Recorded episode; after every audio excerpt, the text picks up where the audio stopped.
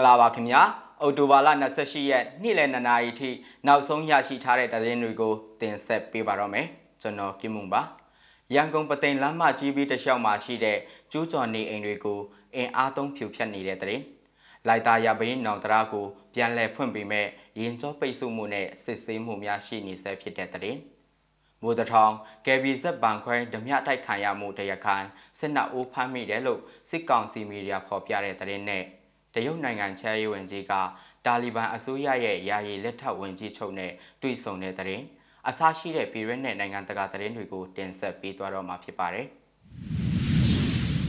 ရန်ကုန်ပသိမ်လမ်းမကြီးပြီးတလျှောက်မှာရှိတဲ့ကျူးကျော်နေအိမ်တွေကိုအင်အားသုံးဖြူဖြတ်တဲ့သတင်းကိုပထမဆုံးတင်ဆက်ပေးချင်ပါတယ်။ရန်ကုန်တိုင်းလိုက်တာယာမြို့နယ်ရန်ကုန်ပသိမ်လမ်းမကြီးပြီးတလျှောက်မှာရှိတဲ့ကျူးကျော်နေအိမ်တထောင်ကျော်ခန့်ကိုဒီကနေ့ အောက်တိုဘာလ28ရက်နေ့အပြီးဖြတ်သိမ်းရန်စစ်ကောင်စီမှအမိန့်ထုတ်ပြန်ထားရာ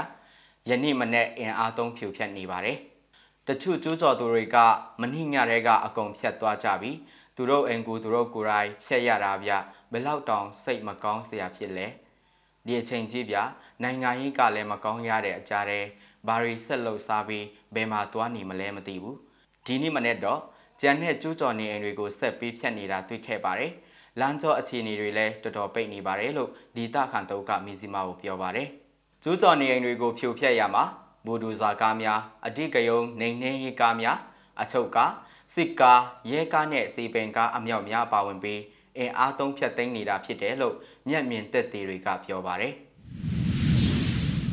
လိုက်တာရဘိန်းနောင်တရာကိုပြန်လည်ဖွင့်ပေးတော့လဲရင်ကျောပိတ်ဆို့နေမှုနဲ့စစ်ဆေးမှုများစိတ်နေဆက်ဖြစ်တဲ့တရင်ကိုဆက်ပြီးတင်ဆက်ပေးချင်ပါတယ်။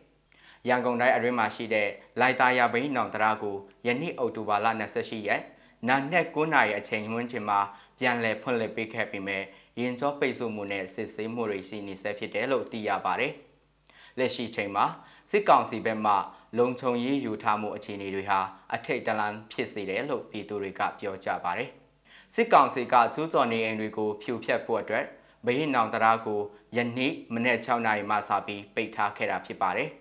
မနက်အစောကြီးထဲကတရားကစပိတ်ထားတယ်။ဘရင်နောင်တရားအစင်လိုက်တာယာမြို့နယ်အစကစပိတ်တာ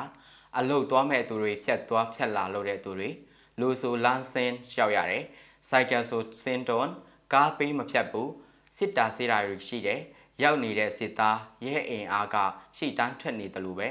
လိုက်တာယာကမခံမှုအတီးပြန်ချတာအထိကယုံဖြစ်မှကြောက်လို့ထင်တယ်လို့မျက်မြင်တွေ့သူဒီတာခန်တူကမီစီမာကိုပြောပါတယ်။ လိုက်တာယာမြို့နယ်ရန်ကုန်ပသိမ်လမ်းမကြီးပြီးရှိကျူးကျော်နေအိမ်တွေကိုယနေ့အောက်တိုဘာလ28ရက်အပြီးဖြတ်သိမ်းရန်စစ်ကောင်စီကအမိန့်ထုတ်ထားခြင်းဖြစ်ပါတယ်။လိုက်တာယာဘရင်နောင်တရာကိုပြန်လည်ဖွင့်ပေးထားပြီးမြဲစစ်ဆေးမိမြတ်မှုတွေရှိနေသလိုစိုက်ကယ်အဖမ်းဆီးတွေလည်းရှိနေတယ်လို့သိရပါတယ်။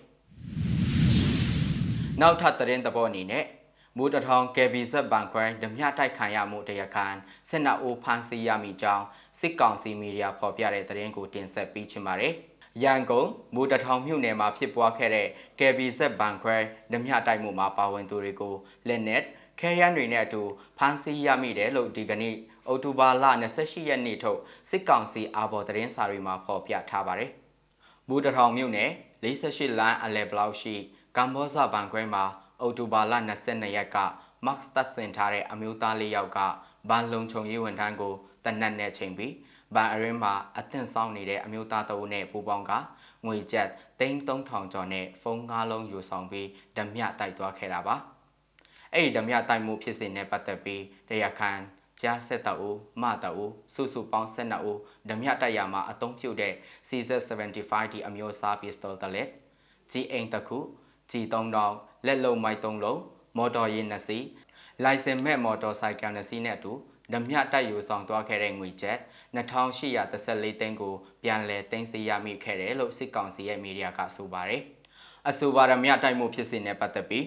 စုံစမ်းဖော်ထုတ်ရမှာအော်တိုဘာလ22ရက်ညနေ3:40မိနစ်40လောက်မှာဓမြတိုက်ရမှာအသုံးပြုခဲ့တဲ့ FF 6532 filter အဖြူရောင်ရင်မောင်းဖြစ်သူဝင်းမော်ဦး53နှစ်ကို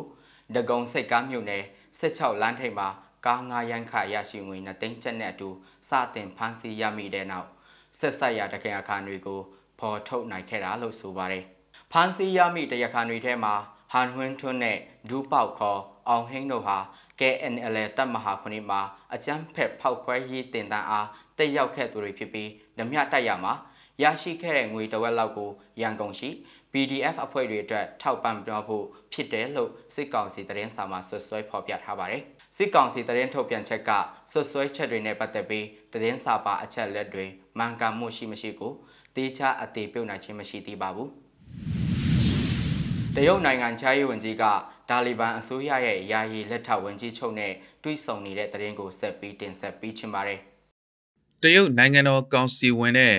နိုင်ငံခြားရေးဝန်ကြီးဝမ်ယီဟာ တာလီဘန်ဂျားပြက်အစိုးရရဲ့ယာယီလက်ထောက်ဝန်ကြီးချုပ်အဖြစ်တာဝန်ထမ်းဆောင်နေတဲ့မူလာအက်ဘ်ဒူဂါနီဘရာဒါနဲ့ကာတာနိုင်ငံဒိုဟာမှာအော်တိုဘာလ24ရက်တနင်္လာနေ့ကတွေ့ဆုံခဲ့ပါတယ်။အဲ့ဒီလိုတွေ့ဆုံရမှာဝမ်ယီက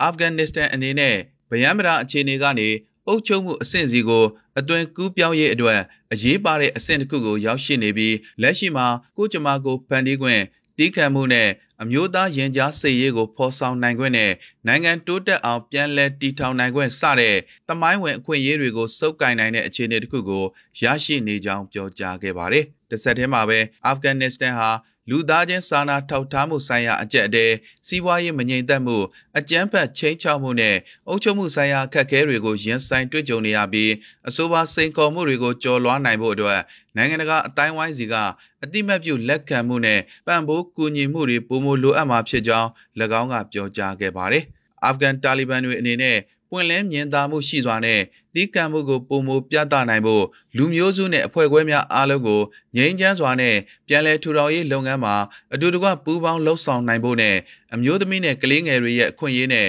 အကျိုးစီးပွားများကိုအကာအကွယ်ပေးနိုင်ဖို့စတဲ့လုပ်ငန်းတွေကိုထိထိရောက်ရောက်လှုပ်ဆောင်လာနိုင်မယ်လို့မျှော်လင့်ပါကြောင်းဝန်ရစ်ကပြောကြားခဲ့ပါတယ်။တာလီဘန်ကြားပြတ်အစိုးရရဲ့ ယာယီလက်ထောက်ဝန်ကြီးချုပ်ဘရာဒါကလည်းမိမိတို့အာဖဂန်ကြားပြတ်အစိုးရဟာပြည်သူတွေရဲ့လိုအပ်ချက်တွေကိုဖြည့်ဆည်းပေးနိုင်ဖို့ကြိုးပမ်းနေပြီးနိုင်ငံရဲ့အခြေအနေပေါ်မူတည်၍ပွင့်ပြိုးတိုးတက်ရေးလမ်းကြောင်းပေါ်ကိုရှောက်လန်းနိုင်ဖို့မိမိတို့ဖြတ်တန်းလာတဲ့တမိုင်းအတွေ့အကြုံတွေကနေသင်ယူသွားမှာဖြစ်ကြောင်းပြန်လည်ပြောကြားခဲ့ပါတယ်။စစ်အစိုးရရဲ့ကိုစားပြုမှုကိုချက်ထွင်နိုင်ဖို့ အားလုံးပါဝင်နိုင်မဲ့အစီအမံတွေကိုဆက်လက်ဆောင်ရွက်သွားမှာဖြစ်ကြောင်း၎င်းကဆက်လက်ပြောကြားခဲ့ပြီးအရင်အစိုးရရဲ့အရာရှိတွေနဲ့ပညာရှင်အများစုကိုဆက်လက်ခန့်အပ်သွားမှာဖြစ်တယ်လို့တိုင်းသားမျိုးနွယ်စုအားလုံးရဲ့ပါဝင်ခွင့်ကိုလည်းပုံမပေးအပ်သွားမှာဖြစ်တယ်လို့ဆိုပါတယ်။ဒီချိန်ထဲမှာပဲတာလီဘန်အစိုးရအနေနဲ့ အမျိုးသမီးနဲ့ကလေးငယ်တွေရဲ့အခွင့်အရေးနဲ့အကျိုးစီးပွားကိုကာကွယ်ပေးနိုင်အောင်ပုံမကြိုးပမ်းလှုပ်ဆောင်သွားဖို့ဆန္ဒရှိပြီး၎င်းတို့ရဲ့ပညာရေးနဲ့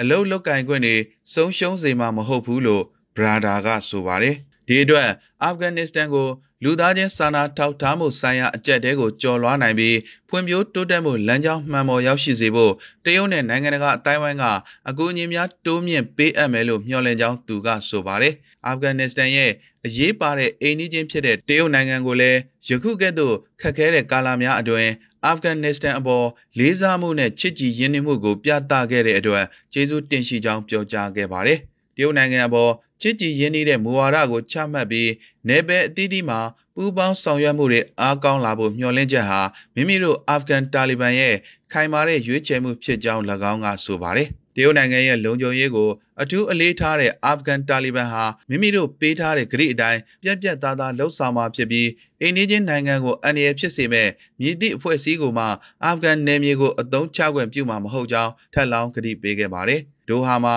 နေထိုင်စဉ်အတွင်းဝန်ယီဟာအာဖဂန်နစ္စတန်ရဲ့ယာယီနိုင်ငံသားရေးဝန်ကြီးအေမာခန်မက်တာကီနဲ့လည်းတွေ့ဆုံသွားမှာဖြစ်တယ်လို့ဆိုပါတယ်။ မြစည်းမရဲ့အော်တိုဘာလ28ရက်နေ့လယ်2နာရီထိနောက်ဆုံးရရှိထားတဲ့သတင်းတွေကိုတင်ဆက်ပေးခဲ့တာပါမြန်မာပြည်သူပြည်သားအလုံးစိတ်ချမ်းသာခြင်းကိုယ်ရေးချမ်းသာခြင်းနဲ့ပြည့်စုံကြပါစေခင်ဗျာ။